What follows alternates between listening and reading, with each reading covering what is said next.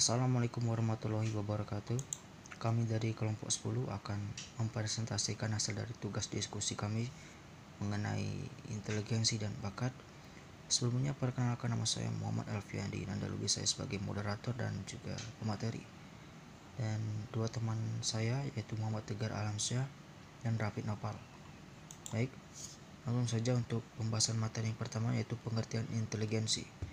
Jadi, pengertian inteligensi menurut para ahli dari William Stem mengemukakan bahwa inteligensi merupakan kapasitas atau kecakapan umum pada individu secara sadar untuk menyesuaikan pemikirannya pada situasi yang dihadapinya. Sedangkan dari Edward Thorndike, Edward Thorndike mengemukakan bahwa inteligensi adalah kemampuan individu untuk memberikan respon yang tepat terhadap situasi yang diterimanya. Sehingga dapat disimpulkan bahwa pengertian dari inteligensi yaitu merupakan sebuah aktivitas atau perilaku yang merupakan perwujudan dari daya atau potensi. Dan untuk materi selanjutnya yaitu ada ciri-ciri perilaku inteligensi yang akan dijelaskan oleh Rafid Nopal kepada Rafid Nopal. Saya persilakan. Baiklah, saya akan menjelaskan ciri-ciri perilaku inteligensi.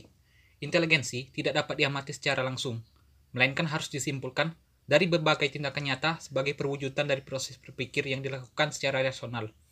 Ciri-ciri inteligensi sendiri yaitu inteligensi merupakan suatu kemampuan mental yang melibatkan proses berpikir secara rasional. Dan inteligensi tercermin dari tindakan yang terarah pada penyesuaian diri terhadap lingkungan dan pemecahan masalah yang timbul daripadanya. Terdapat pula ciri-ciri tingkah laku inteligen menurut Effendi dan Praja, yaitu yang pertama, purposeful behavior, artinya selalu terarah pada tujuan atau mempunyai tujuan yang jelas. Yang kedua, organized behavior, Artinya tingkah laku yang terkoordinasi, semua tenaga dan alat-alat yang digunakan dalam suatu pemecahan masalah terkoordinasi dengan baik. Dan yang ketiga, physical well-taught behavior. Artinya memiliki sikap jasmania yang baik, penuh tenaga, ketangkasan, dan kepatuhan. Ada pula yang keempat, adaptable behavior. Artinya tingkah laku yang luas fleksibel, tidak statis dan kaku, tetapi selalu siap untuk mengadakan penyesuaian atau perubahan terhadap situasi yang baru. Dan yang kelima, success oriented behavior. Artinya tingkah laku yang didasari rasa aman, tenang, gairah, penuh kepercayaan dan akan sukses atau optimal. Yang keenam, clearly motivated behavior. Artinya tingkah laku yang memenuhi kebutuhannya dan bermanfaat bagi orang lain atau masyarakat. Yang ketujuh, rapid behavior. Artinya tingkah laku yang efisien, efektif, dan cepat atau menggunakan waktu yang singkat. Lalu yang kedelapan, yang terakhir, broad behavior. Artinya tingkah laku yang mempunyai latar belakang dan pandangan luas meliputi sikap dasar dan jiwa yang terbuka. Selanjutnya ada hubungan inteligensi dan kreativitas dan juga faktor yang mempengaruhi inteligensi yang akan dijelaskan oleh Muhammad Tegar Alamsyah kepada Tegar Alamsyah saya persilakan. Baiklah, saya akan membawakan materi mengenai hubungan inteligensi dan kreativitas. Pengertian kreativitas setiap orang memiliki definisi yang berbeda-beda. Tetapi, menurut kami, kreativitas merupakan suatu proses perkembangan gagasan yang berasal dari aktualisasi da dari dalam diri yang dilakukan secara bertahap. Berdasarkan beberapa penelitian yang telah dilakukan di Indonesia terhadap beberapa ahli psikologi dalam rangka mengetahui ciri apa saja yang menurut mereka paling mencerminkan pemikiran kreatif, di antaranya sebagai berikut. Pertama, memiliki kemampuan imajinasi yang kuat. Kedua, memiliki inisiatif. Ketiga, memiliki keinginan yang besar. Keempat, memiliki kebebasan dan berpikir. Kelima, terdapat rasa ingin tahu. Keenam, menang mencari berbagai pengalaman baru.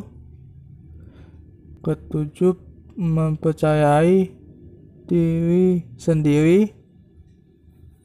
Delapan, penuh, yang kedelapan penuh semangat. Yang kesembilan, tidak takut terhadap risiko yang dihadapi. Sepuluh, berani dalam berpendapat dan meyakini berbagai kritik dan saran. Namun, belakangan ini, beberapa ahli psikologi berdebat mengenai hubungan antara inteligensi dengan kreativitas. Adakah hubungan adakah hubungan di antara kedua teori tersebut? Menurut seorang ahli, Dedi Supriyadi, inteligensi dan kreativitas itu berbeda. Inteligensi lebih berhubungan dengan metode berpikir yang memusat. Sementara, kreativitas berhubungan dengan cara berpikir yang lebih luas atau menyebar. Sementara, menurut penelitian Torrance, IQ tidak bisa dijadikan suatu patokan tunggal dalam mengidentifikasi berbagai individu yang berbakat. Jika hanya IQ yang disajikan sebagai suatu patokan, maka mayoritas individu yang memiliki kemampuan kreativitas tinggi pasti akan tersisihkan. Beberapa ahli lain juga mengkaji soal hubungan antara inteligensi dengan kreativitas. Namun hasilnya berbeda-beda. Tetapi, jika semua kajian para ahli tersebut disimpulkan bahwa hubungan antara inteligensi dan kreativitas ada sampai pada tingkat tertentu. Namun, Getzels dan Jackson berpendapat bahwa orang-orang dengan skor, skor IQ di atas 120 hampir tidak memiliki hubungan antara keduanya. Jadi, bisa saja orang-orang ber-IQ tinggi memiliki tingkat kreativitas yang rendah ataupun sebaliknya. Selain itu, mereka juga membagi-bagikan kelompok individu sebagai berikut. Pertama, orang yang memiliki tingkat kreativitas rendah dengan tingkat inteligensi rendah. Kedua, orang yang memiliki tingkat kreativitas tinggi tetapi dengan tingkat inteligensi rendah. Ketiga, orang yang memiliki tingkat kreativitas rendah tetapi dengan tingkat inteligensi tinggi. Keempat, orang yang memiliki tingkat kreativitas tinggi dengan tingkat inteligensi tinggi. Jadi dapat disimpulkan bahwa inteligensi dan kreativitas itu berbeda satu sama lain. Berdasarkan teori yang diterapkan saat ini, inteligensi dan kreativitas dijadikan sebagai penentuan tingkat bakat seseorang. Baiklah, saya akan juga menjelaskan materi mengenai faktor yang mempengaruhi inteligensi. Inteligensi memiliki beberapa faktor yang dapat mempengaruhi inteligensi tersebut, antara lain. Pertama, faktor keturunan. Inteligensi dapat dipengaruhi oleh keturunan gen dan sifat yang di bawahnya sejak lahir, seperti daya tangkap dan kemampuan orang tersebut dalam menyelesaikan permasalahan. Jadi, tidak heran mengapa ada orang yang pintar dan ada juga orang yang bodoh. Padahal metode pembawaan materi dan pelatihannya dilakukan secara bersamaan, alias materi dan metode pelatihannya yang dibawakan sama-sama rata. Kedua, faktor pembentukan. Faktor pembentukan juga dapat mempengaruhi inteligensi seseorang. Pembentukan ini dapat terjadi secara sengaja maupun secara tidak disengaja. Secara disengaja misalkan melalui pengajaran materi di lembaga sekolah, dan secara tidak sengaja misalkan oleh pengaruh lingkungan sekitarnya. Walaupun inteligensi seseorang sudah ada sejak lahir, tetapi tetap saja lingkungan sekitar mampu mengaruhi inteligensi seseorang. Inteligensi ini tentunya sudah terintegrasi pada otak, sementara otak membutuhkan gizi untuk mempengaruhi inteligensi yang ada di dalamnya. Semakin baik gizi yang masuk, maka semakin baik pula inteligensi yang didapat. Namun, gizi saja tidak cukup untuk mempengaruhi inteligensi seseorang. Berbagai rangsangan kognitif emosional dari lingkungan kita juga diperlukan untuk mempengaruhi inteligensi seseorang. Ketiga, faktor minat dan pembawaan khas. Dalam diri manusia, terdapat dorongan atau motif yang mendorong manusia untuk berinteraksi dengan dunia luar, sehingga apa yang diminati oleh manusia dapat memberikan do dorongan untuk berbuat lebih giat dan lebih baik. Inteligensi bekerja dalam situasi yang berlainan, tingkat kesukarannya. Sulit tidaknya mengatasi persoalan ditentukan pula oleh pembawaan. Yang keempat ialah faktor kematangan. Setiap organ yang terdapat pada tubuh manusia mengalami pertumbuhan dan perkembangan. Jika organ-organ tersebut sudah mengalami pertumbuhan dan perkembangan yang sempurna, maka proses inteligensi akan berjalan dengan lancar. Selain itu, kecerdasan yang terdapat pada otak individu juga tidak bersifat statis, melainkan kecerdasan ini juga ikut tumbuh dan berkembang. Tumbuh dan berkembangnya inteligensi sedikit banyak sejalan dengan perkembangan jasmani unsur eh jasmani umur dan kemampuan-kemampuan yang telah dicapai. Yang kelima ialah faktor kebebasan.